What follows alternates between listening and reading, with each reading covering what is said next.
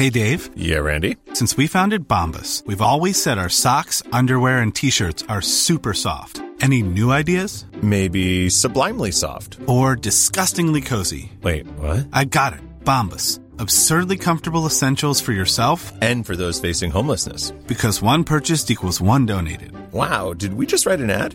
Yes. Bombas. Big comfort for everyone. Go to bombas.com slash ACAST and use code ACAST for 20% off your first purchase. Quality sleep is essential. That's why the Sleep Number Smart Bed is designed for your ever evolving sleep needs. Need a bed that's firmer or softer on either side? Helps you sleep at a comfortable temperature? Sleep Number Smart Beds let you individualize your comfort so you sleep better together. JD Power ranks Sleep Number number 1 in customer satisfaction with mattresses purchased in-store. And now save 40% on the Sleep Number limited edition Smart Bed for a limited time.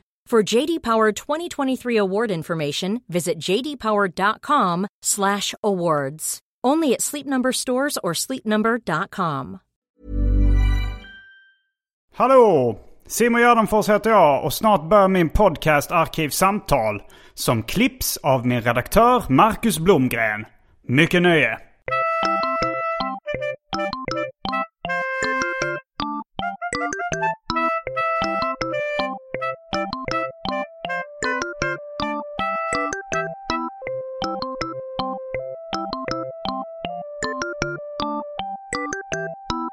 Hej och välkomna till Arkivsamtal. Jag heter Simon Gärdenfors och mitt emot mig sitter Fredrik av Trampe. Och mitt emot mig sitter Sveriges Hitler.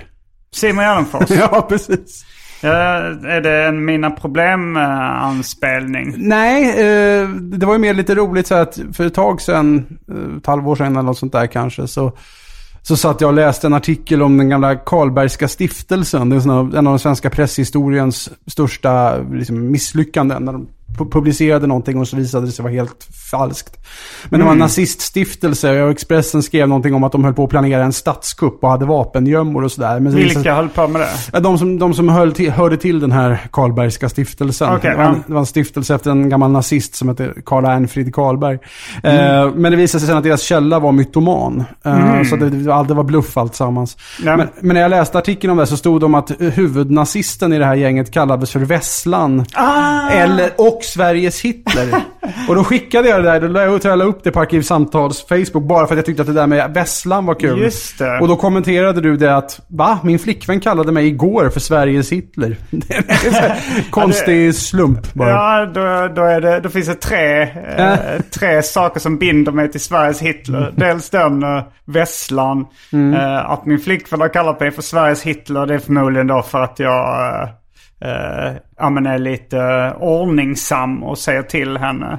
Jag kan, Du kan, jag, omkring. titta, ja, jo, jo. jag förstår. Mm. Jag vet inte om Hitler hade så bra ordning i bunkern. men, Han har inte lika bra seriesamling heller. Nej. ja, det vet man aldrig. Nej. Men, Eller eh, egen, egen Pac-Man. Mm. ja, det var nog inte uppfunnet. Men, Man eh, kan tänka sig, hade Hitler varit typen som gillade Pac-Man om det hade funnits? Jag vet inte. Men sen Ja. så är det i, eh, jag tror det där ljuden avsnittet av min sitcom Mina Problem. Där, eh, det är jag som skrivit manus men, Mm. i, eh, men Albin Olsson kallar mig för eh, Du är precis som Hitler fast inte världsberömd. jag kommer inte ihåg varför jag var precis som Hitler. Jo det var att eh, Eh. judarna eh, fick lida men Hitler gick, han, han fick massa skämtanteckningar. Det Just var det, någonting, alltså. jag kommer inte ihåg exakt. Mm, det, detta om detta som vi så skämtsamt brukar säga. Ja, jag säger ju detta om detta väldigt mycket i mina poddar. Det, Ja. det är så pass, det är verkligen inte, inte, det är inte en gimmick. Det är bara någonting jag råkar göra. Jag säger det ganska ofta. Jag vet inte riktigt var jag har snappat upp det. Det är inte så många, många som säger detta om detta. Nej, I mitt fall är jag ganska säker på att det är från en gammal Hassan-busringning. Mhm. När Fredrik Lindström som Mårten Rask ringer upp om det är någon sån där Stockholms blomsterbutik eller något sånt där. mm. Och då börjar jag ska förklara var Stockholm kommer ifrån. Nå- någonting sånt där. Det är ganska okay, Den här killen bara, jaha okej. Sen det är liksom lång utläggning. Först så var det... Och, så, och, så, och killen bara lyssnar. Okej, ja, detta om detta. Okej. Eh, ja, och det, det har jag på något vis då snappat upp och, och använder, mig, använder mig väldigt mycket av. Eh, men eh, vi, idag ska vi prata om eh, sex. Ja, äntligen. Jag som är så pryd i vanliga fall. Sexliberalismen i Sverige, närmare bestämt. Ja, det ska vi göra. Du har varit med och eh, gjort en bok Mm. som heter Frigjorda tider. Jajamän, det stämmer bra det. Eh, Det är då jag och två kollegor. Dels Martin Kristensson som drev tidningen Kapten Stofil ihop med Joakim Lindengren och David Nessle och som stod för artikel, artikelbiten av den tidningen.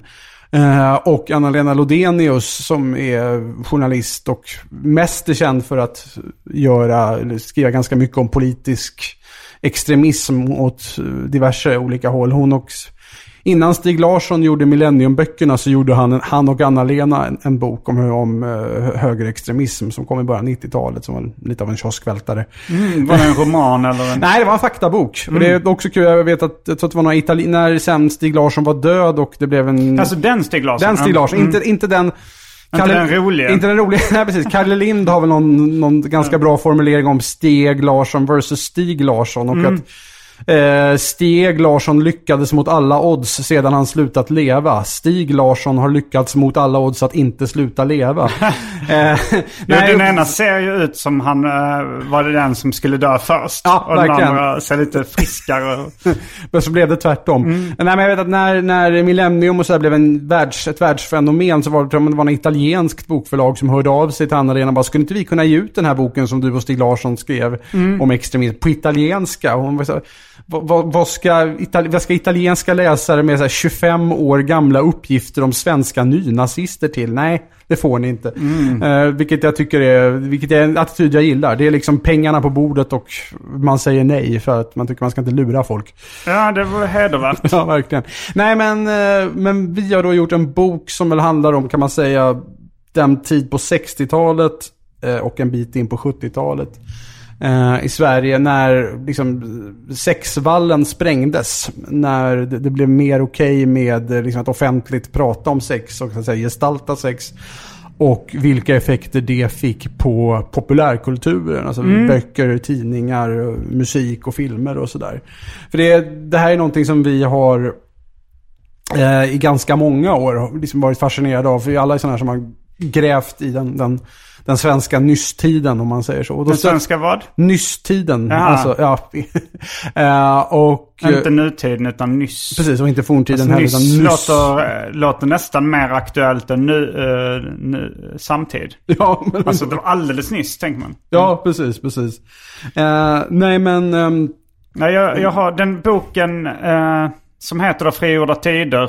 Den, är, en- den har inte kommit ut va? Den har inte släppts. när sänds det här?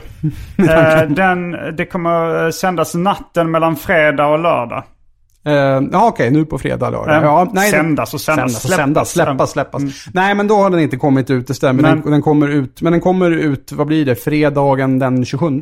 augusti. ja, men då är det-. Och, och den går redan nu att förbeställa på diverse eh, tjänster på nätet Ja, och så. ja eh, ni hade ju någon slags Kickstarter-kampanj. Ja, Men jag fick den på eh, en pdf. Så jag har börjat läsa den. Jag har inte Mm. läst, eh, läst hela ännu. Den är, vad är det, 300-400 sidor tjock. Ja, den blev, det blev Mm. en ganska ordentlig lunta. Och vi har hållit på med den. Det här är ju ett hjärteprojekt. Så det är ingen av oss som har fått betalt under arbetet. Utan vi har hållit på när vi har haft tid över med det här sen. Kom vi fram till 2014. Så det är liksom, Mm. efter sju år är vi äntligen klara. Det känns lite, lite häftigt. Jag tänkte som eh, Joe Matt gjorde på utsidan av eh, ett nummer av Comics Journal. Mm.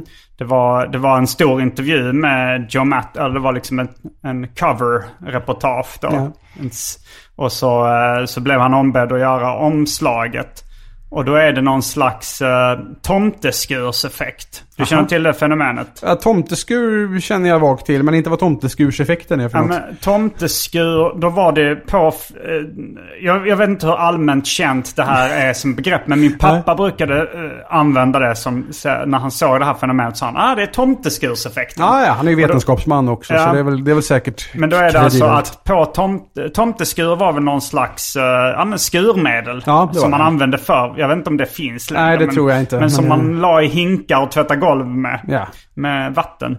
Men då var det tomteskur. Det var en tomte som höll en flaska tomteskur på bilden. Ja, så på den bilden eh, som tomten höll upp så var, var han själv med då Ja, ja, och höll en tom, tomteskur som blev mindre och mindre, Mindre och mindre, det- det och ju. Den effekten har man ju sett lite, på lite olika ställen. Ja.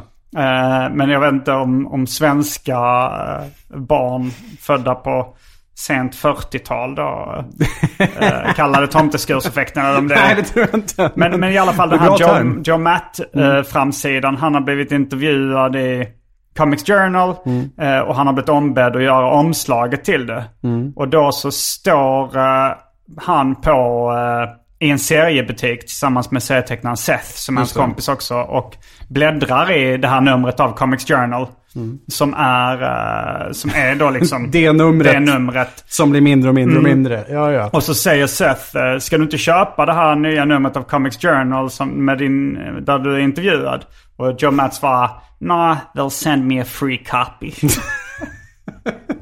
det är också eh, hans gimmick att han är Han är väldigt snål. fruktansvärt snål. Ja. Han, är ju, han är fascinerande på det sättet, Joe Matt. Han har väl mycket det där med att han... Han är väldigt förtjust i konceptet med ränta. Att hans pengar ska förränta sig. Att han ska kunna leva på sina räntor. Och det, Ja. är, det är han ju inte ensam om. Jag vet andra som tänker så också. Men det är också människor som tjänar pengar. Joe Ja. Matt tjänar ju inga pengar alls. Nej, inte mycket. Men han Det gör fin- inte av med så mycket. Det är väl det som Nej. är... Ja, det finns ett avsnitt om eh, Joe Matt som jag har gjort med serietecknaren Mats Jonsson. Just det. Eh, Men eh, vi ska eh, inte prata så mycket mer om Joe Matt utan mer om frigjorda tider. Det ska vi göra. Jag vill bara säga att jag, tycker, jag följer Joe Matt på Instagram. Och det är ju mest att han po- postar bilder på gulliga katter och så. Man undrar... Ja, man han, är, undrar han är bättre på Facebook. På, där lägger han upp lite mer sådana här... Eh, ja, jag snackar med min mamma och vi pratar om vem skulle man helst vilja äta middag med, död eller levande. Och så, Ah, ja, så ja. räknar vi upp sådana personer. Ja, men där är han mer personlig. Vad bra det, för det känns som att det var fruktansvärt länge sedan han faktiskt gjorde någonting. Och han är lite för begåvad för att inte göra Ja, någonting. det, han gör ju grejer men Ah. extremt långsamt. Alltså det ja, ja. senaste som släpptes, eh, det var, eh, den var med i någon samlingsvolym som Dornan Quarterly, hans då kanadensiska serieförlag, ger Mm. ut.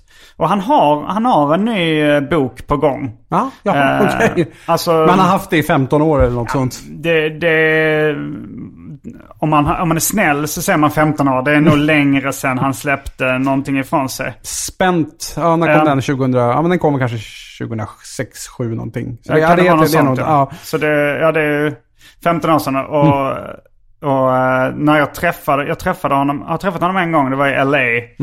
Eh, då hade han gjort 12 sidor Oj. från den nya boken. ja, okej. Och det var, när var det? Eh, det kan ha varit 2011, 2012 eller någonting. Ja, ja. Say no more.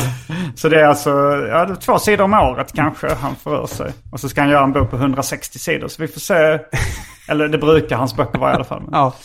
Eh, mm, vi får se helt enkelt. Men innan vi eh, kastar oss in på dagens ämne lite, mer, lite närmare. Så har det blivit dags för det omåttligt populära inslaget Välj drycken. Ja.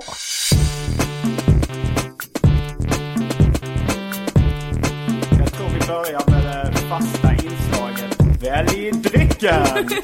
Och här kommer um, alternativen. Hennessy Cognac. Fanta Zero. Budweiser 3,5. Snapple, gin, rom, hostmedicin, Amarula Cream, Malibu, Bullet Bourbon, Passoir. Grand Marnier, Absolut Vodka. Organic Vodka. Två sorters japansk eh, uh, Nikka Whisky. Häxblandningen, det vill säga alla drycker som fanns i min kyl innan den genomgick en så kallad corporate rebranding. Och för tråkmånsar och nejsägare, vatten. Hmm. Det här Amarula Cream, vad är det för någonting? Det är någon slags uh, likör som nog smakar lite cola, kanske lite choklad. Jag, inte- jag tror jag köpte det för att göra någon slags eh, liksom så här eh, eh, cocktail. Ah. Söt cocktail liksom. eh, jag, jag drack eh, på Surfers i Stockholm så hade de en cocktail med salty caramel. Precis i början av den stora salty, car- salty caramel-trenden. Men då tyckte jag det var eh, den godaste drink, liksom den godaste cocktailen jag någonsin eh, druckit. Och jag har försökt återskapa den hemma men inte har lyckats. Ah. Skulle han säga att söt och cocktail är liksom en naturlig motsägelse, men det kan vi ta någon annan gång. Eh, nej, men då tror jag att jag tar den där eh, Hennessy-konjaken. faktiskt. Ehm, då... Och lite vatten bredvid gärna. Okej. Mm. Då tar jag eh, en uh, Snapple. Mm. Nu kör jag Anton Magnusson igång igen med vår gemensamma stand-up-turné där vi kommer till 21 svenska orter. Örebro, Hässleholm, Borås och Kristianstad står på tur. Jag har också en show den 3 september som heter Skämt som Simon Gärdenfors aldrig tidigare kört i en soloföreställning på Lund Comedy Festival. Den är vad den heter. In på gardenfors.com och spana in alla mina gig och mycket annat. Eh, då är vi strax tillbaks med dryckerna kända från det omåttligt populära inslaget Välj drycken. Häng med!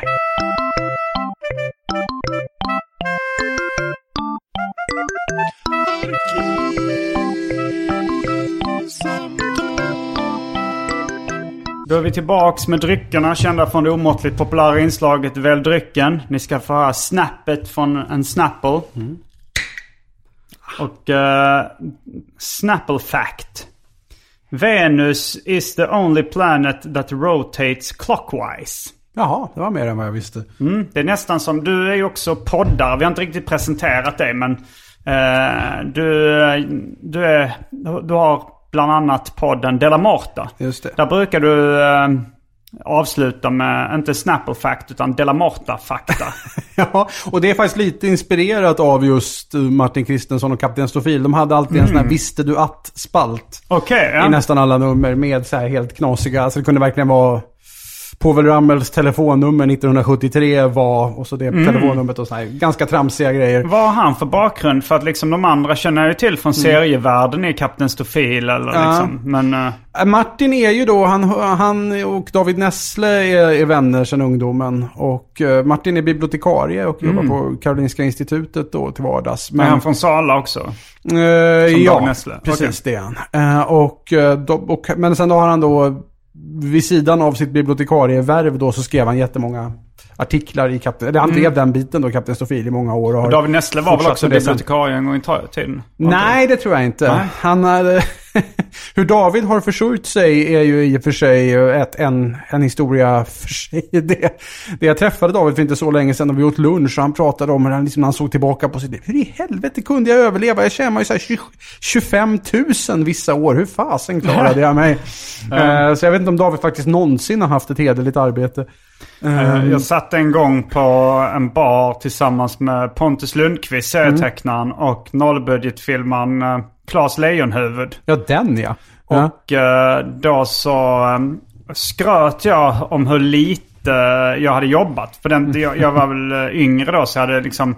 Att jag hade aldrig varit anställd. Jag hade bara haft eh, ett vanligt så här kontorsjobb i... ja, men, eh, jag skröt väl om hur mycket bidrag jag hade gått på i livet. Men jag blev ju utklassad ganska snabbt. Att det var så här... eh, Pontus Lundqvist hade bara liksom jobbat tre dagar i sitt liv.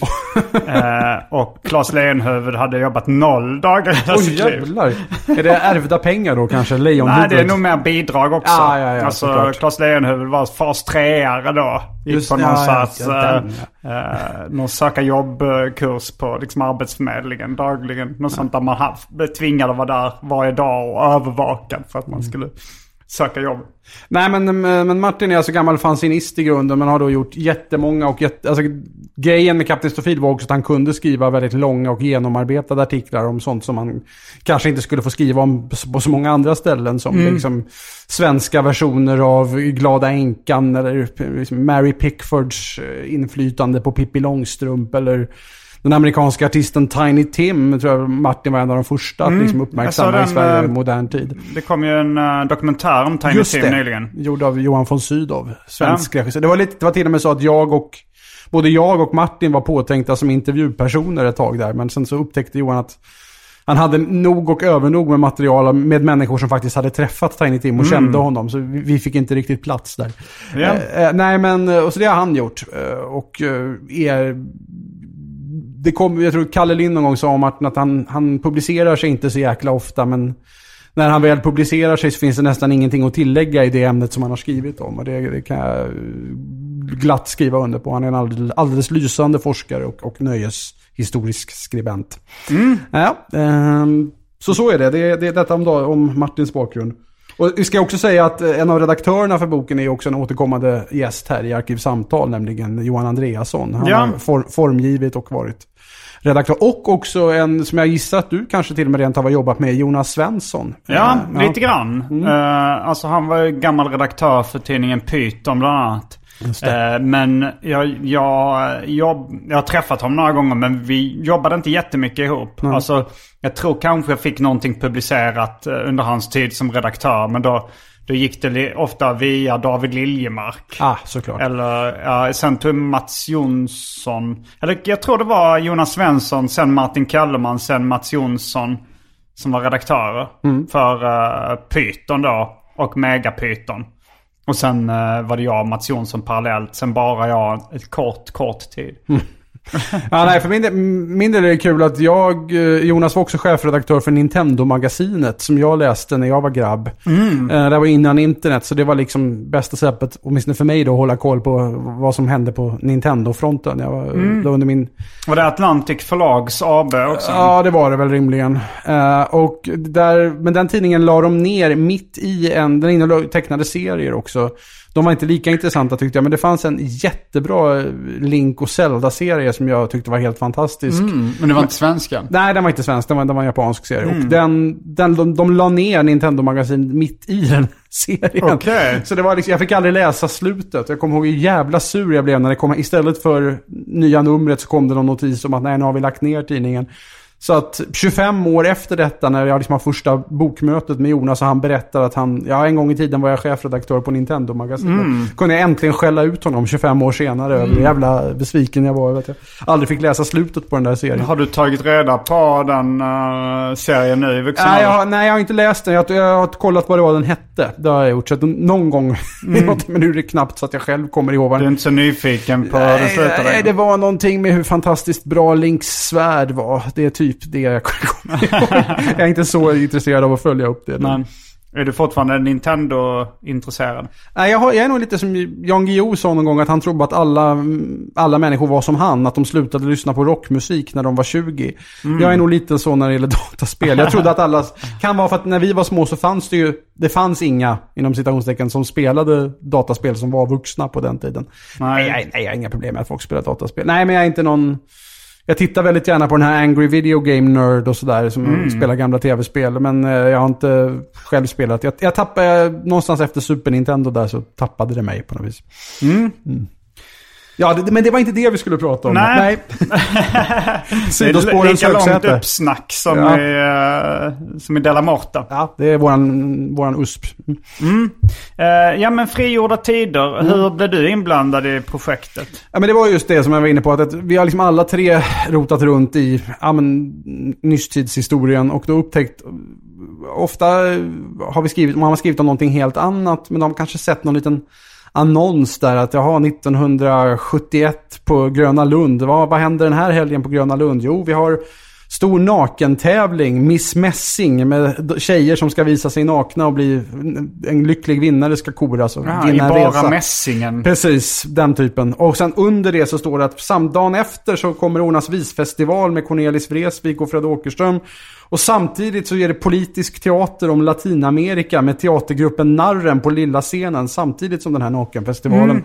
Så det var mycket sånt där man tänkte, okej, på den tiden kunde liksom Gröna Lund ha nakentävlingar och att eh, samtidigt som man hade politisk teater och visfestivaler. Eller att Ja. Man kunde stöta på porrnoveller som var skrivna av liksom riktiga författare. Att P.C. Jersild skrev porr, eller till och med att Lars Norén, Oj, ja. eh, en ganska ung Lars Norén, skrev en, en eh, novellföljetong. Den fantastiska bordellen i, Mm. om det var lektyr eller vad det var för porrtidning. Var det i genren så här ångestsex? Nej, det, nej jag, har ju, jag läste den ju nu här för när vi, under det att vi jobbade med den här boken. Nej, det var inte ångest. Mm. Det var feel good. Det var Det bara var- en fantastisk bordell. Ja, det var mycket så här om hur trevligt det var på. Det var inte så mycket till handling. Det var, det var mycket, mycket sex, men också mycket hur härligt det var att vara på den här, den här bordellen. Det, det, inte- var inte något av Noréns storverk. Inte direkt dåligt heller. Men fanns det bordeller i Sverige på den tiden? Nej, det gjorde det inte. Eh, Eller inte lagliga i alla fall. Nej, inte lagliga Ja. bordeller. Men det var ju, det var ju också sånt där som man stötte på. Så här, Har det funnits liksom bordeller? Nu, min bild av bordeller är från kanske så här cowboyfilmer. eller, jag har inte sett så mycket cowboy. Men alltså jag vet inte. Fanns det bordeller i Sverige? Det är en rolig tanke att tänka sig en cowboybordell Ja. liksom... Ja, är- Man tänker så här mycket röd sammet. Jag vet inte var man, var man har fått klichébilden av bordeller från film. Ja. Antar jag. Men jag vet inte vilka filmer, vilken tid de skildrar. Eller vilken, vilket land de skildrar. Är det liksom. lite såhär Moulin Rouge-estetik Ja, det kanske, är det. Jag vet Någon inte. fransk... eh, Ja, det, Men- jag men, vet inte eh, riktigt. Men, Men har det funnits bordeller i Sverige? ja, det, ja, det vet jag. Inte för att jag någonsin har gått på någon, utan för att jag... Mitt första jobb, det var en, en, en filmtidning som hette Ingmar. Mm, Eh, det minns jag. Ja, intill våran redaktion så låg det något sånt där Sol och hälsa, tror Ja. jag det hette. Som, och det var en så här, ja, men, skönhetssalong tror jag. Så där Sol och hälsa var skriven med röd tejp. De hade liksom klippt ut röd tejp och klistrat upp det så att det formade orden sol och hälsa. Det var alltid tunga persienner som var fördragna och en väldigt bastant trädörr. Mm. Det såg inte så jävla inbjudande ut. Eh, Och man såg liksom aldrig någon kund där riktigt. Och flera år senare så läste jag i någon tidningsartikel, här är Stockholms gömda bordeller. Och det, Mm. det, det, var, det var en av dem. Men nej, det har aldrig funnits lagliga bordeller. Men det var också sånt där som vi sprang på någon sån här artiklar från 60-talet där Lasse Lönndahl, den gamla svensktoppsstjärnan, liksom, rubrik Lars, Lönndahl kolon, vi borde ha bordeller. Och även Mm. Vad Lin- var hans hits? eh? Ja, vad hade han för hits? Du borde köpa dig en tyrolerhatt. för- Nej, det var Östen Warner. Vad hade Lasse Lönndahl Med? Han- tyrolerhatt så menade han prostituerad kvinnor. Nej, men han, nej, men han hade, nu kommer jag inte på varför Lasse Lönndahl hade för hits. Men han, han, han lever fortfarande och eh, tror jag fortfarande är aktiv som sångare. Men han, han hade en massa hits på 60-talet. Lite så här skönsjungande, eh, skönsjungande kille. Men också Lill Lindfors var ute i någon tidningsartikel och tyckte att ja, men det är väl bra om vi har statliga bordeller. För det är, liksom, det är bättre med bordeller, än, kontrollerade bordeller än vad det är med gatan. Va? Mm. Använder du uttrycket stritan? Nej, de använder inte uttrycket stritan. Eh, det, gör någon det längre? Jag det, det, vet inte. Det, det är ungefär samma liksom som uh, bordeller. Att, eller så här, man, jag vet inte var jag har hört det. Men, men det var ju vanligt. För, det är väl så här, var det inte 60 Jo, 60 och 70-tal, absolut. Det är, jag, jag tänker ju på Mods, Mods-trilogin där Ja, de här ja, prostituerade tjejerna, ah, ner på stritan nu möta upp nästa torsk. Så här, det, Det är väldigt förknippat med liksom, prostitution att Ja. använda uttrycket stritan. Ja, men precis. det borde ju bara vara slang för gatan. Liksom. ja, nej, och det, och det är väl där de också pratar om uh, Centan. Det vill säga. Mm. Ja, det, men Centan har jag hört mer uh, alltså, så slang för centralen. Liksom. Mm. Det tror jag inte har överlevt. Jag tror inte kidsen idag, fortfarande när jag var barn så pratade man om bögringen på Ja. Centralen. Det tror jag inte att kidsen gör idag. Tror du inte det? Jag Alltså, inte. folk i vår ålder, eh, om jag får klumpa ihop vår ålder, gör ju Jag är, ju- det. jag är ju så gammal till sinnet. Så, Um, ja. Eh, alltså, hur gammal är du i, på, i passet? 36. 36. Nej men eh, folk i vår ålder då tycker jag fortfarande använder uttrycket bögringen. Ja, men så är det väl Och det kanske. äh, aktualiserades ju lite med den här... Uh, Torka aldrig tårar utan Ja, handskar. Torka aldrig Ja. tårar, tv-serien. Alltså, men eh, jag vet inte om... De som är yngre tror jag inte gör det, eller? Nej, jag vet inte. Jag vet inte heller faktiskt. Ska inte spekulera i det kanske. Eh, nej, men mycket sånt där som man tänkte, oj, det här, så här kunde man göra då. Det är liksom svårt att tänka sig det idag, att Gröna Lund skulle ha nakentävlingar Ja. eller att... Jag blev chockad så- lite när jag började läsa boken att den här tiden eh, var så kort. Mm. Alltså när, när Sverige var sexliberalt. Vad, vad var det? Man kan väl säga att det börjar, det börjar tidiga 60-talet och det har väl mycket att göra med att vi hade, vi hade liksom ett sånt ekonomiskt välstånd. Alltså vi hade, folkhemmet var färdigbyggt höll jag på att säga. Och då fanns det, och det fanns också liksom i en modernare tid där kvinnor också i större utsträckning kunde klara sig själva. Det fanns liksom mer tid att lägga på sånt som inte var direkt livsnödvändigt så att säga. Och liksom ifrågasätta gamla värderingar och gamla synsätt. Välståndet var inte det enda ståndet vi hade på den tiden. precis, precis. Eh, och, eh, och och det här ledde fram till, det var mycket debatter där i, i, i början. Liksom, det, var, det hade varit ekonomisk högkonjunktur och det skapade liksom ett lite mer liberalt klimat och det gav liksom större utrymme för de här samlevnadsfrågorna. När man inte behövde liksom kämpa för att, för att överleva på samma sätt som det hade kanske varit i det, i det gamla Lort-Sverige. Va? Och, eh, och då, då så uppstod väl den här debatten i början av 60-talet. En som var ganska viktig var en, en bok som heter Jungfrutro och dubbelmoral. Som var skriven av Kristina Ahlmark Michanek. Som, eh, som just var en sån där bok som liksom, ja men, hon, man kan, framförallt den är väl mest ihågkommen för att den populariserade uttrycket kärlek för vänskaps skull. Att den, hon propagerade för en nyare sexualmoral där liksom sex inte alls var någonting som behövde hållas inom äktenskapet eller var någonting som man skulle avstå från innan man gifte sig. Utan, och som man kanske inte ens behövde ha med någon man var jätte, jätteförälskad i. Utan man kunde liksom, njutningsvärdet hade ett värde i sig. Man kunde ha, ha sex med någon bara för att det var skönt helt enkelt. Mm. Och det, hon var, hon var väldigt viktig. Och sen så kom det också, man, man ska komma ihåg att det här var ju en tid när homosexuella, homosexuella handlingar var ju visserligen tillåtna, men det var fortfarande sjukdomsklassificerat. Och det fanns fortfarande mycket skam förknippat med just sex utanför äktenskapet. Och det, det var en tid med ganska, alltså pornografi, det fanns fortfarande en lag om sårande av tukt och sedlighet eh, som avskaffades först 1971. Så du kunde Vad liksom- innebar den lagen? Eh, den kommer jag inte ihåg själva lagtexten, men det innebar att du kunde exempelvis inte ha pornografiska bilder på pornografi generellt var mer eller mindre förbjudet. Eh, och eh, du, ja, som säga fula saker i tv och det här var kunde du, kunde du åka dit. För jag kan inte exakt de juridiska bestämmelserna där, men det var eller, eller liksom längs, de, längs de linjerna så att säga.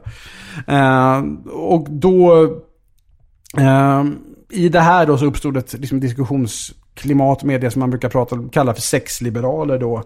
Och det kunde ju vara, det var, det kunde vara ett, liksom ett jäkla brett gäng om man tittar på det i efterhand. Det kan vara liksom allt från porrkrämare till religiösa människor till, till politiska liberaler. Ja, vissa eh, hade... liberaler också då? Ja, Alltså nej, men det är just det att det, hade, att det kallas sexliberalism hade mer att göra med liksom en befrielse av sexualiteten. Det var ju inte så att alla sexliberaler var folkpartister och inte alla jag bara folkpartister var tänkte att sexliberaler. eh, det är väldigt förknippat den andra sidan. eh, eh, alltså sexkonservativa. Mycket Ja, absolut. förknippat Ja, med de fanns det ju jättemånga men det fanns också religiösa personer som, som ville liksom diskutera ha en liksom sundare, Man tänker på att det sexualsyn. sektledare tänker man då är så religiösa som vill ha eh, lite friare sex. Men Ja. det, det är ju sällan Ja, ja. är så organiserad religion som propagerar för friare sex. Nej, precis. Knutbygänget hade inte propagerat Nej. för friare sex, men... Ja, precis.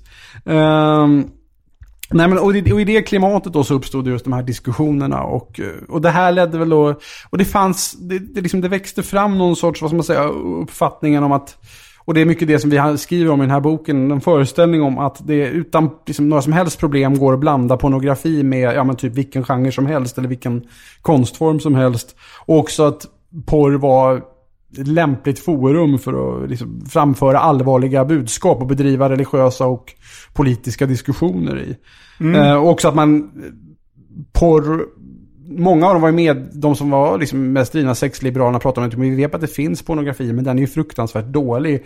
Vi vill skapa en bättre porr, för liksom en bättre porr kan leda till liksom, ja, mindre, folk blir mindre hämmade, folk mår bättre. Vi kan liksom skapa en bättre värld med hjälp av porr. Eh, När kom de här eh, filmerna som man förknippar med den svenska synden? Ja, det, det beror lite på hur man ser det. Alltså, eh, den som man får säga var bety mest betydelsefull var ju hon, eh, hon eh, dansade en sommar. Och den kom väl redan 1951 tror jag. Tidigt 50-tal i alla fall. Eh, där man får se den kvinn, det, det badas naket och ja, man får, det, är, det är bara man får se lite bröst helt enkelt. Det är inte, det är inte mer explicit än så. Vem är det som har regisserat den? det är Arne Mattsson eh, som sen eh, som också sen kom att göra, han, gjorde, han var ganska kritikerhyllad till en början, gjorde en del ganska lite mer konstnärliga filmer, men blev sen han gjorde sen mer, mycket mer exploitation-film. Så Smutsiga fingrar och Mask of Murder och även uh, Hillman-filmerna som var en stor grej i slutet av 50-talet. Hillman? Hillman, ja det var en deckarserie med uh, Carl-Arne Holmsten hette han, skådespelaren som spelade Hillman. Det var även Men då var fem inte filmer. naket. Nej, typ. nej, nej, nej, de är väldigt, det är väldigt snäll. Det, det är snälla deckar. Men hur, då på 50-talet var det då... Det var, det var naket, men Ja, var det mm. även eh, liksom könsorgan som Nej, visade det, nej det, var, det, det förekom väl kanske säkert i någon mer eller mindre Mm. obskyr film, men inte i liksom stora riktiga filmer, nej. Men, Och, eh, och, och vi blev ju kända för det då i världen, mycket på grund av just Hon dansade en sommar, att oj, i Sverige gör de sån här snuskig film, Mm. där, där det visas bröst. när Eh, kom Sommaren med Monica? ja, den, ja, precis. Den kom väl ja, något år senare, 53 tror jag. Och det var Eh, Bergman Det då? var Bergman som gjorde den. Och sen även, Bergman gjorde även Tystnaden 1963, där det är en hel del Men för det här var ju då innan den här, eh, du började prata om att det var tidigt 60-tal, den här debatten komma igång. Började komma igång.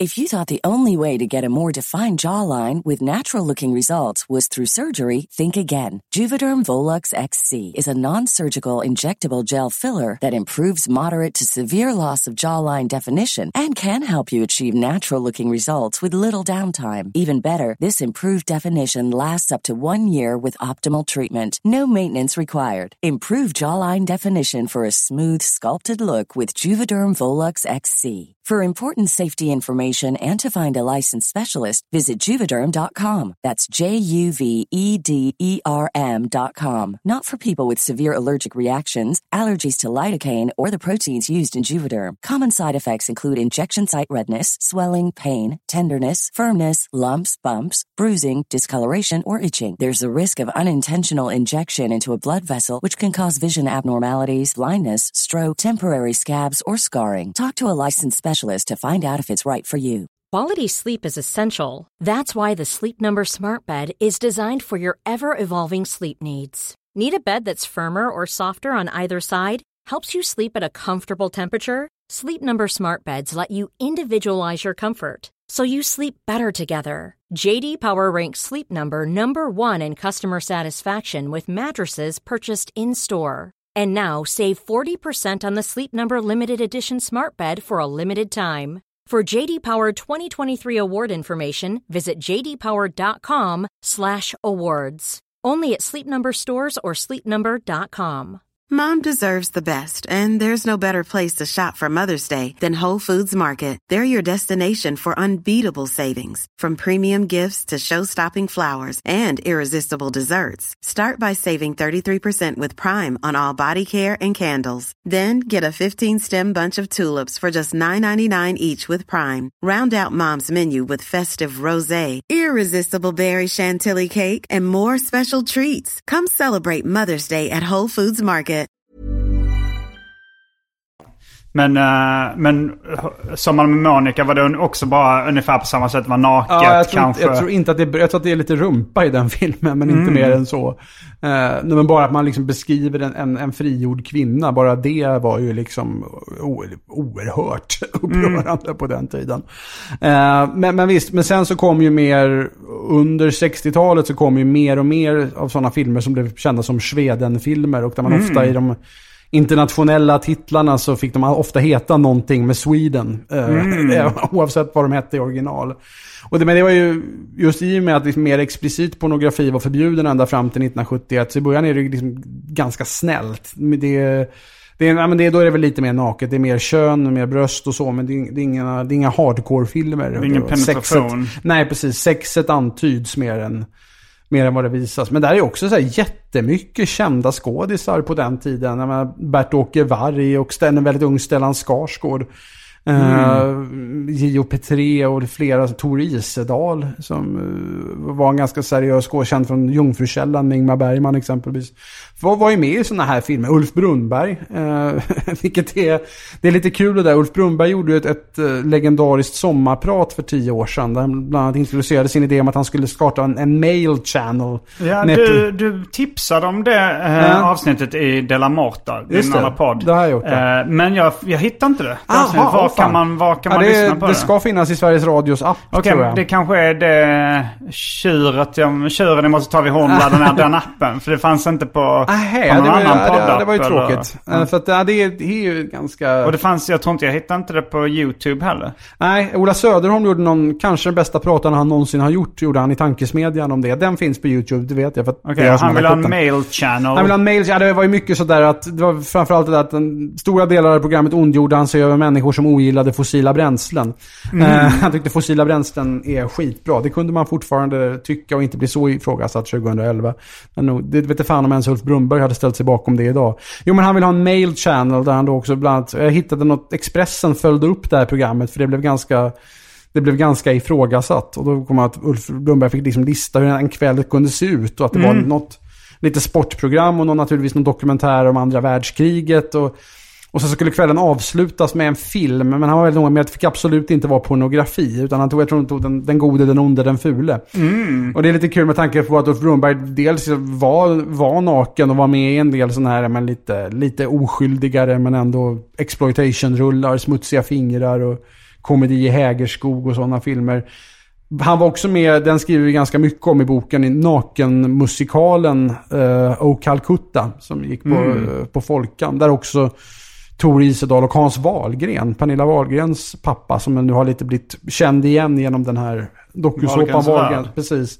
Uh, där är han också, där alla var nakna på scen. Ricky Bruch var med i någon dansk gladporr.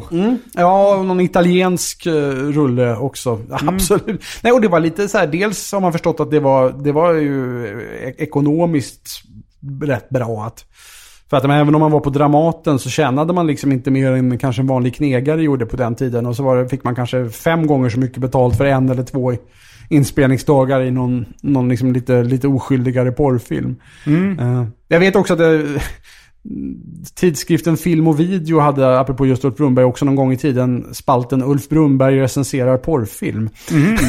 det här någon gång i början av, av 80-talet. Jag tänkte att jag någon gång ska sätta mig i något arkiv och rota fram den och se vilka filmer det var och vad han tyckte egentligen. Men det, fann, det har, fanns väl någon mail channel, jag vet inte om det var TV10 eller något sånt som var just det. Alltså så här väldigt manligt kodad TV. Att, alltså det var väl, det kom väl eh, lite sådana kanaler som var, det måste ju också i USA ha funnits eh, väldigt länge. Jo det, det det- känns inte som någon jättekonstig idé. liksom. Nej, men det är mest kul att Brunberg bara säger att det här är min idé och den är här från och med nu är den copyright-skyddad. Och Bara, nej, nej Ulf, det funkar inte så.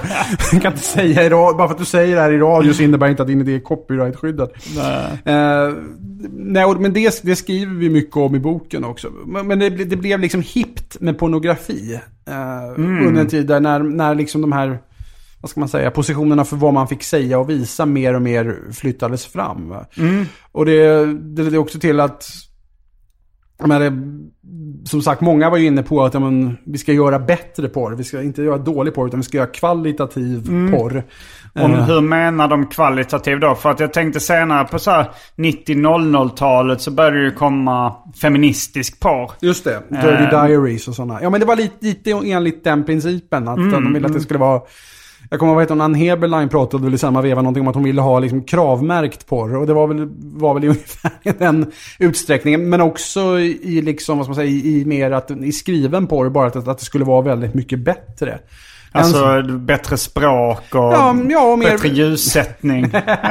nej, men mer, nej men mer välskrivet. Det, Ja. de, en sån som... eh, det fann- det fanns en författare som heter Bengt Anderberg som var, var, liksom hyfsat aktad på den tiden. Han drev det här väldigt starkt. Han var väl någon sorts redaktör för en, en bokserie som heter Kärlek. Som kom ut i 14 delar under ett antal år utgiven av Forsbergs förlag i Malmö. Och det, det där var liksom det uttalade syftet att nu ska vi göra högkvalitativa porrnoveller. Och de plockade in ja, just P.C. Jersild och Göran Tunström och sådana som för, liksom fick skriva, de skulle skriva bättre, bättre porr för massorna helt enkelt. Men jag läste någonstans om definitionen av porr att det är liksom... Eh, eh, ja, men någonting som har syftet att, eh, att vara sexuellt upphetsande.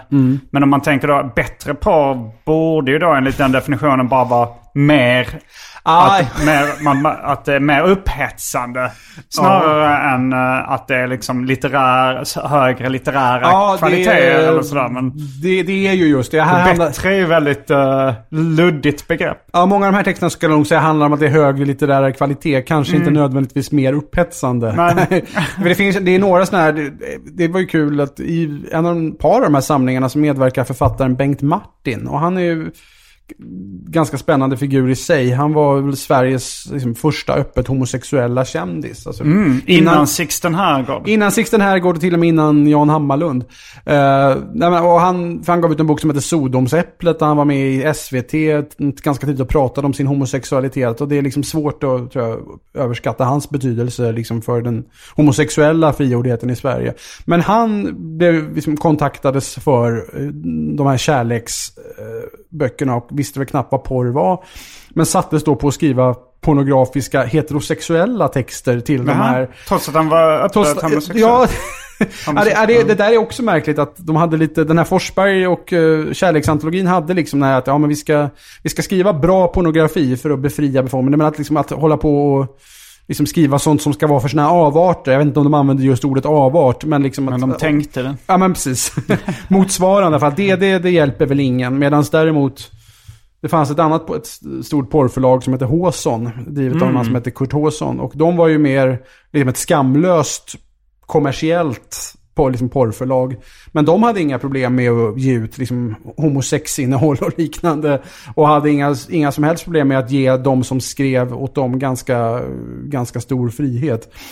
Uh, men, och det finns väl någon, jag tror att Bengt Martin fick väl med någon, någon novell med lite mer uttalat homosexuellt tema i de här samlingarna. Men annars är det, det är lite, det är märkligt det där med att han, han det är så uppenbart att det här är skriven av en person som inte tänder på det han skriver om. Och det är väldigt där konstiga... någon metafor att den, den fittan var som gjord för att sätta potatis i. Oj! ja, okej. Okay. Det är eh. bättre i avseendet roligare. ja, jo, men det är upp, hur upphetsad. Vem, vem har någonsin tänkt så? Tror han att liksom, det är det heterosexuella män går ut och tänker? Jag vet inte det. Det är jag, men... Uh, ja. Nej men och det, så det, och det är väl mycket sånt som jag försökt, försökt samla i den här boken. Mm. Och... Vad har du skrivit? Alltså det, de texterna du har skrivit, vad har det mm. varit för rubriker på dem? En som är, den som jag nästan är mest nöjd med heter Ta ut svängarna, Mysteriet Ferdinand Fresk. Eller ja, den, den har jag och Martin gjort tillsammans visserligen. Mm. Och det är Martin som har skrivit ut den. Men det är... Uh, jag har lyssnat en del på de här avsnitten som du har gjort om vad folk tycker är det bästa i livet. Och ja.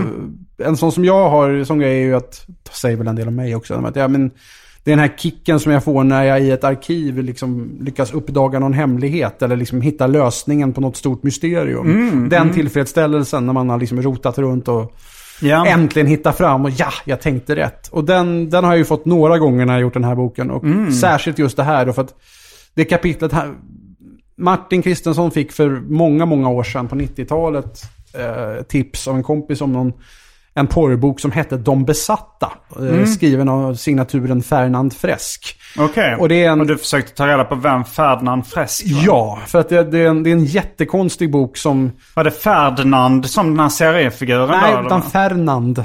Ferdinand, Ferdinand det är inte Ferdinand, inte seriefiguren Ferdinand, utan Fernand. Ja, eh, jag, jag, vet inte riktigt hur det kom sig. Men ja.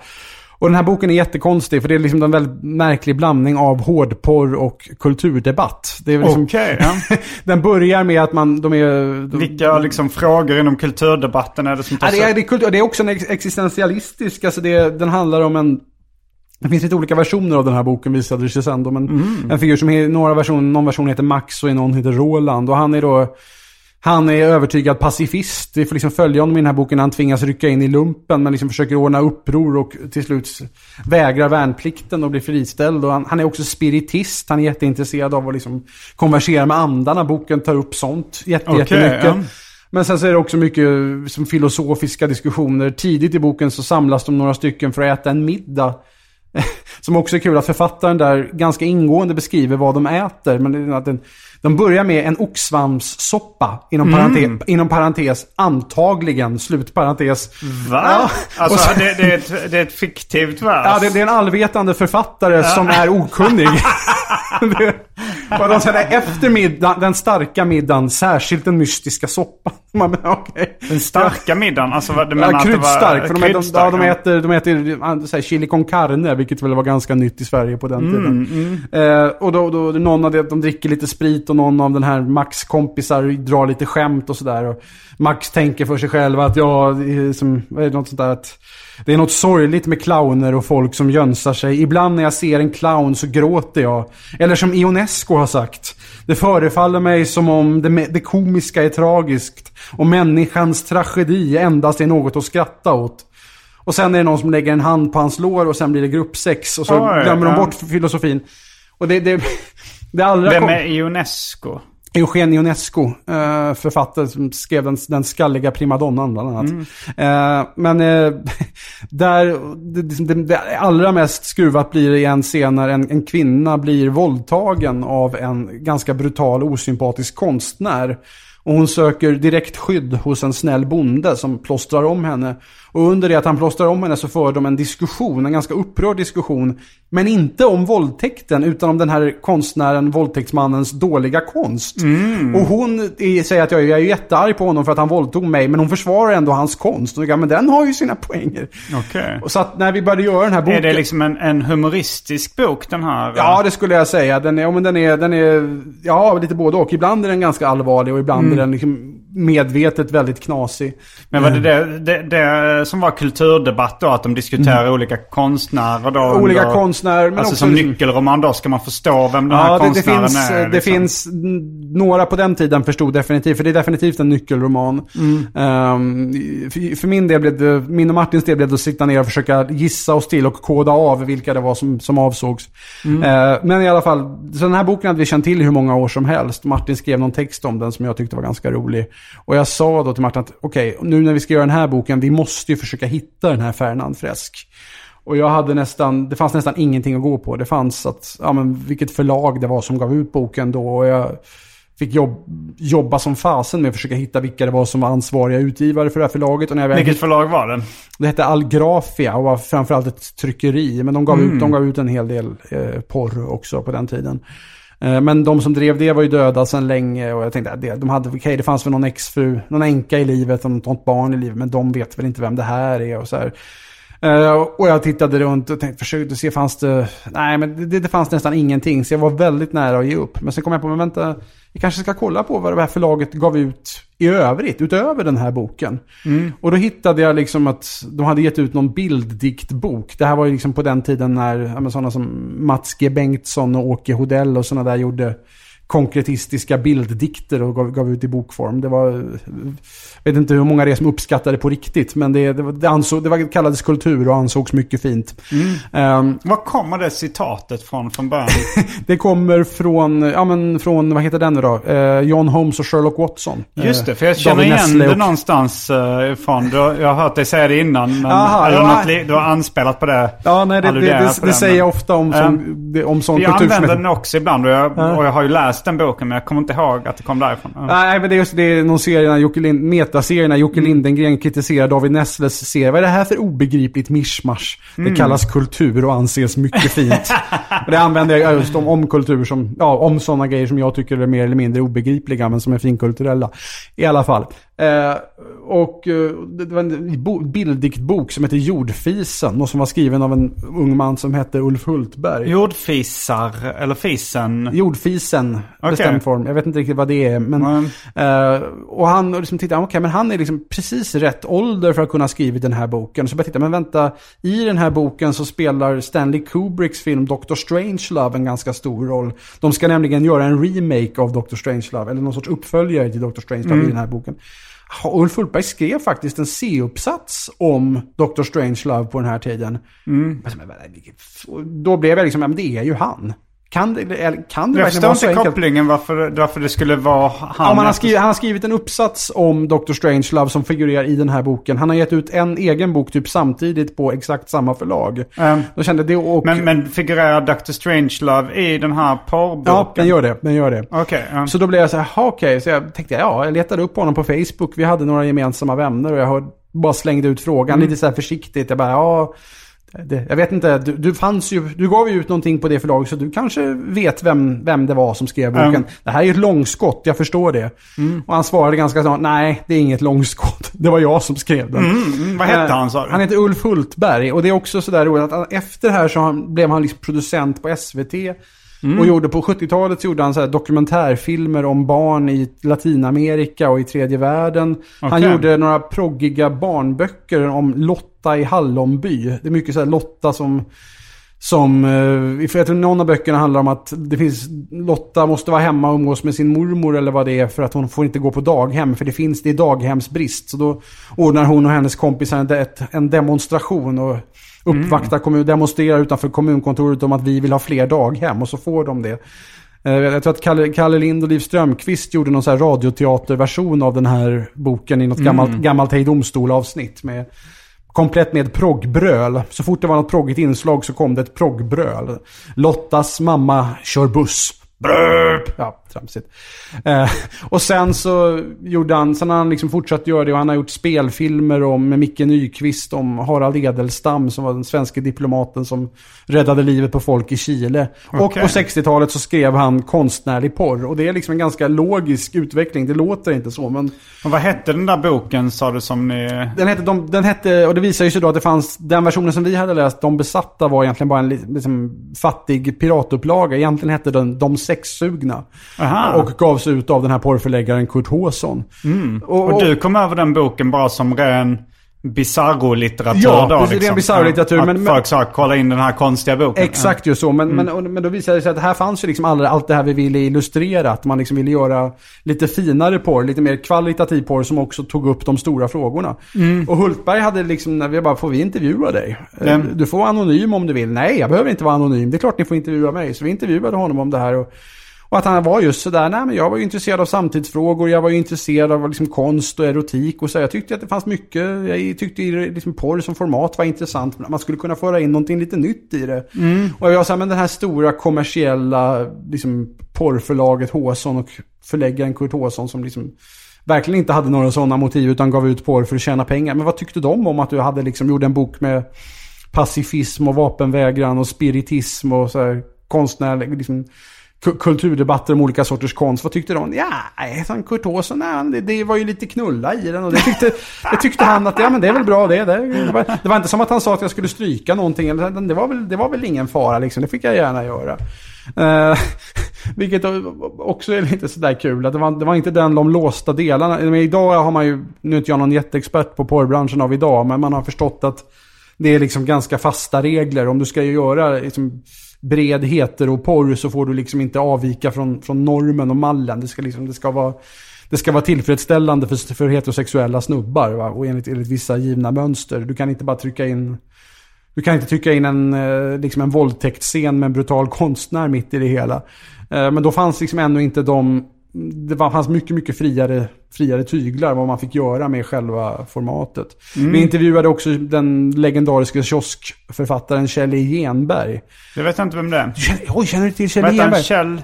Kjell E. Genberg? Nej. Nej, okej. Han- Han är ju en, en...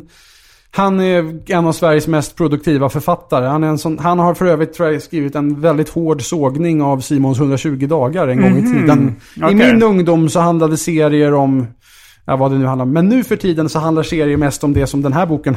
Jag kommer, jag kommer inte ihåg Okej, men exakt han, det som- han, han gillar ändå snusk. Nej, jag- nej men han, eh, han är en sån här kioskförfattare, liksom författare for hire som tror jag ett tag väl var uppe i att han skrev fyra böcker i månaden. Eh, Oj, jävlar. lite så här om, och håller fortfarande på.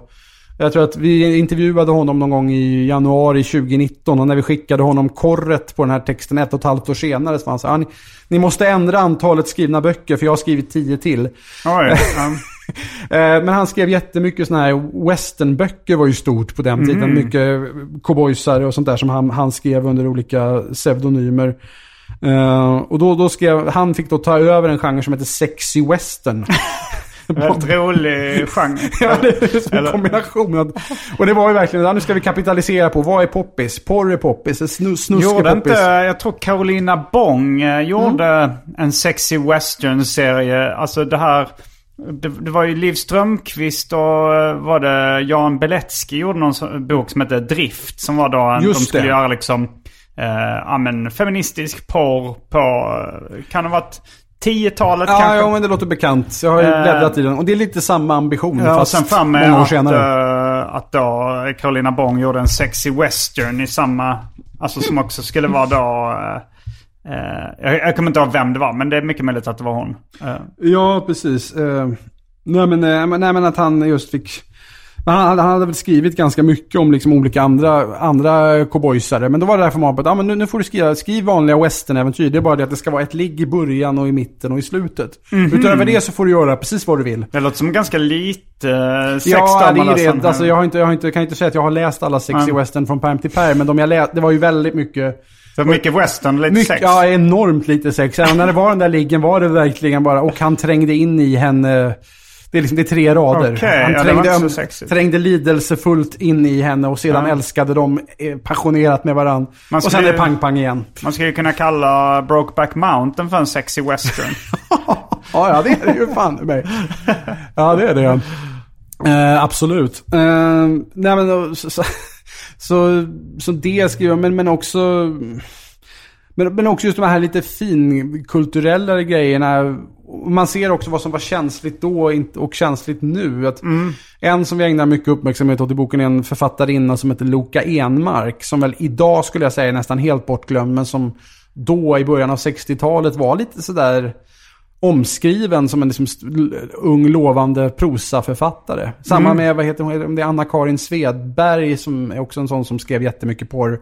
Hon var också lite i ropet då för att hon var Sveriges stora beatförfattare. Att hon liksom skulle vara Sveriges Jack Kerouac något sånt där. Okej, ja. Men just Loka Enmarks böcker är väldigt, det, det ledde också till, för de, hon skrev någon porrroman som Håson gav ut på sitt förlag. Och det ledde alltså till att kultursidorna som skrev om varenda Loka Enmark-bok ganska länge, alltså långt in på 80-talet när hon gav ut sina böcker så blev hon omskriven på de fina kultursidorna. De var liksom för första och kanske enda gången tvungna att skriva om en Håson-bok.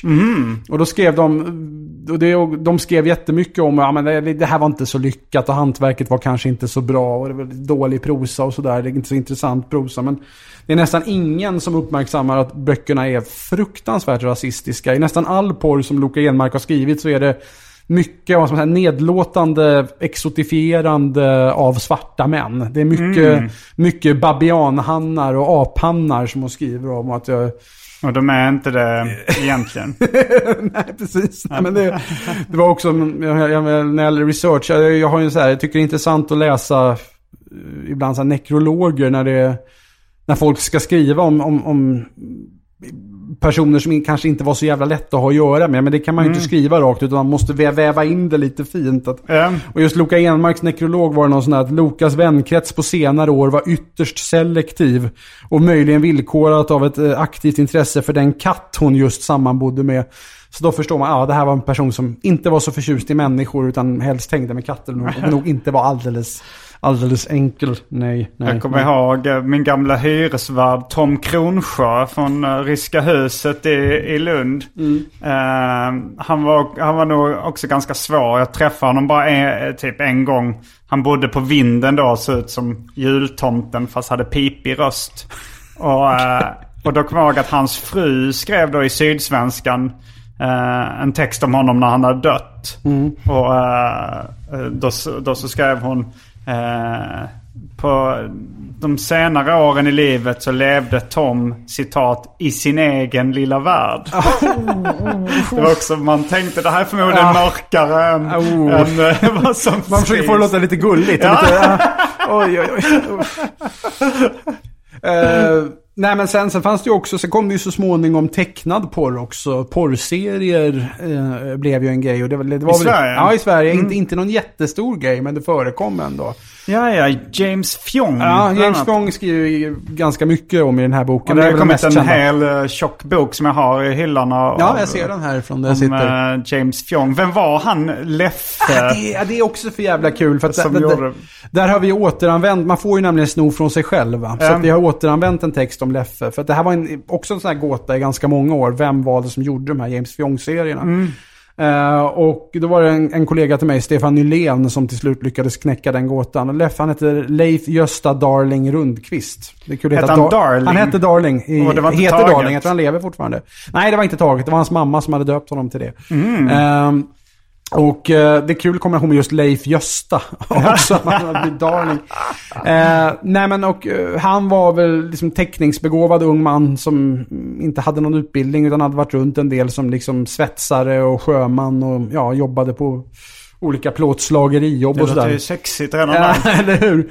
Och men han då någon dag fick syn på någon annons om att, eh, någon så här, varför måla fan på väggen när ni kan teckna sexa, sexiga serier åt oss? Frågar Kurt Håsson. Och då skickade han in några skisser till dem och fick då börja göra den här figuren James Fjong. Eh, som ju då är en, liksom, ja, det är en renodlad porrserie om en, den här glade gamängen James Fjong som har en väldigt stor haka. parodinamn på James Ja, det är Bond. väldigt, ja, det har väldigt lite att göra. Han är väl någon sån där, är han, är han reklamagent eller försäkringsagent eller något sånt där? Fjong är ett ord som används allt för sällan idag. Ja, numera. Ja, Definitivt. det betyder man stånd va? Ja, det betyder Eller, det. För det betyder inte bara kuk utan Nej, det betyder, det betyder stånd. stånd, Det betyder stånd.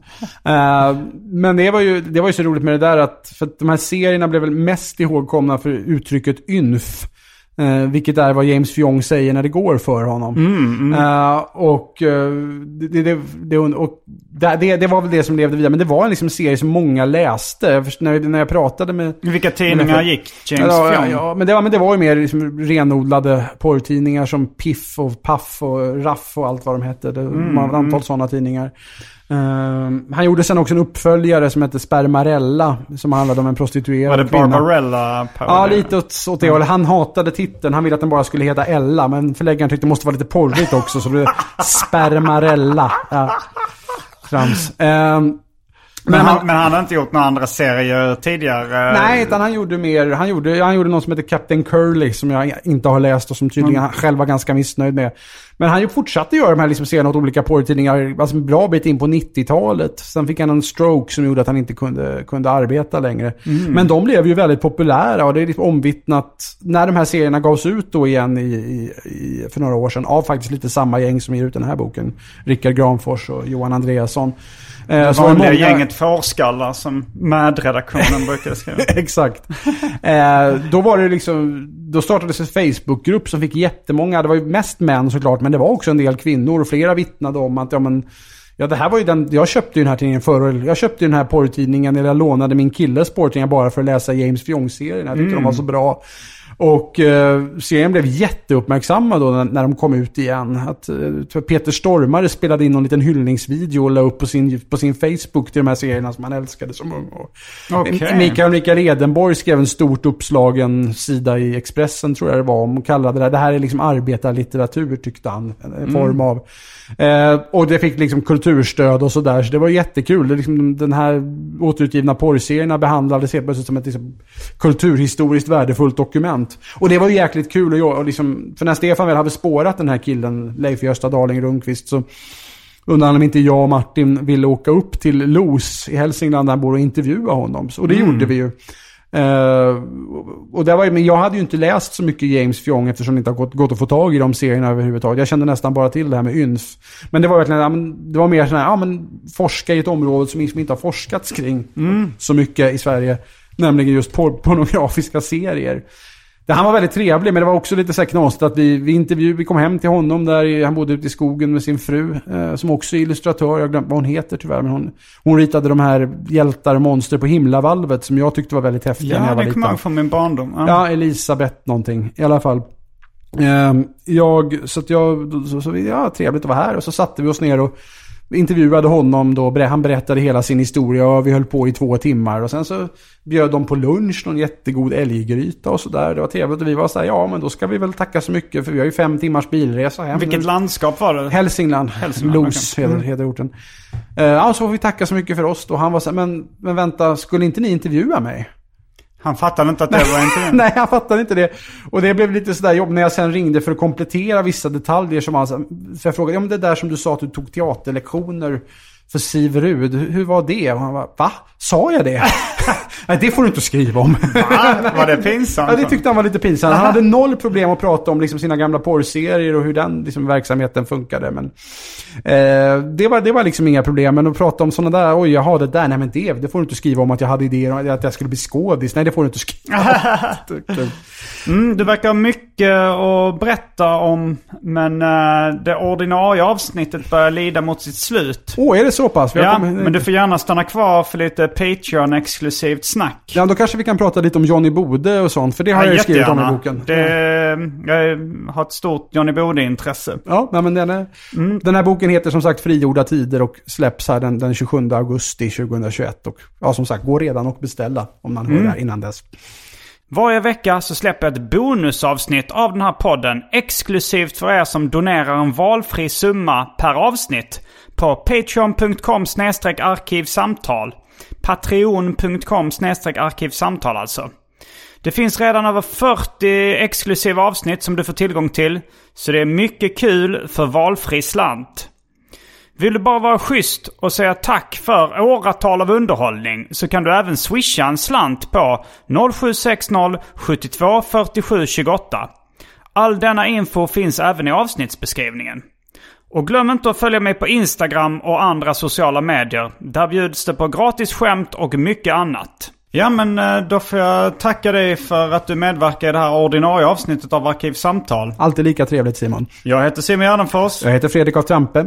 Fullbordat samtal. Inf.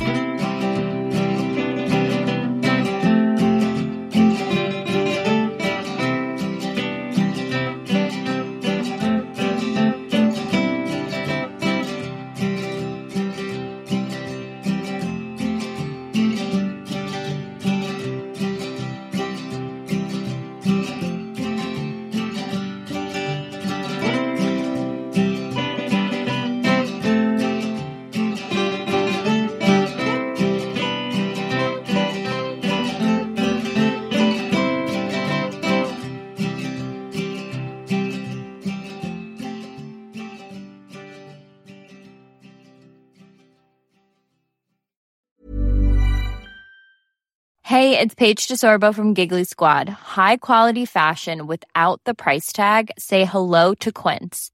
I'm snagging high-end essentials like cozy cashmere sweaters, sleek leather jackets, fine jewelry, and so much more. With Quince being 50 to 80% less than similar brands. And they partner with factories that prioritize safe, ethical, and responsible manufacturing. I love that. Luxury quality within reach. Go to quince.com slash style to get free shipping and 365 day returns on your next order. Quince.com slash style. Mom deserves the best, and there's no better place to shop for Mother's Day than Whole Foods Market. They're your destination for unbeatable savings, from premium gifts to show-stopping flowers and irresistible desserts. Start by saving 33% with Prime on all body care and candles. Then get a 15-stem bunch of tulips for just $9.99 each with Prime. Round out Mom's menu with festive rosé, irresistible berry chantilly cake, and more special treats. Come celebrate Mother's Day at Whole Foods Market.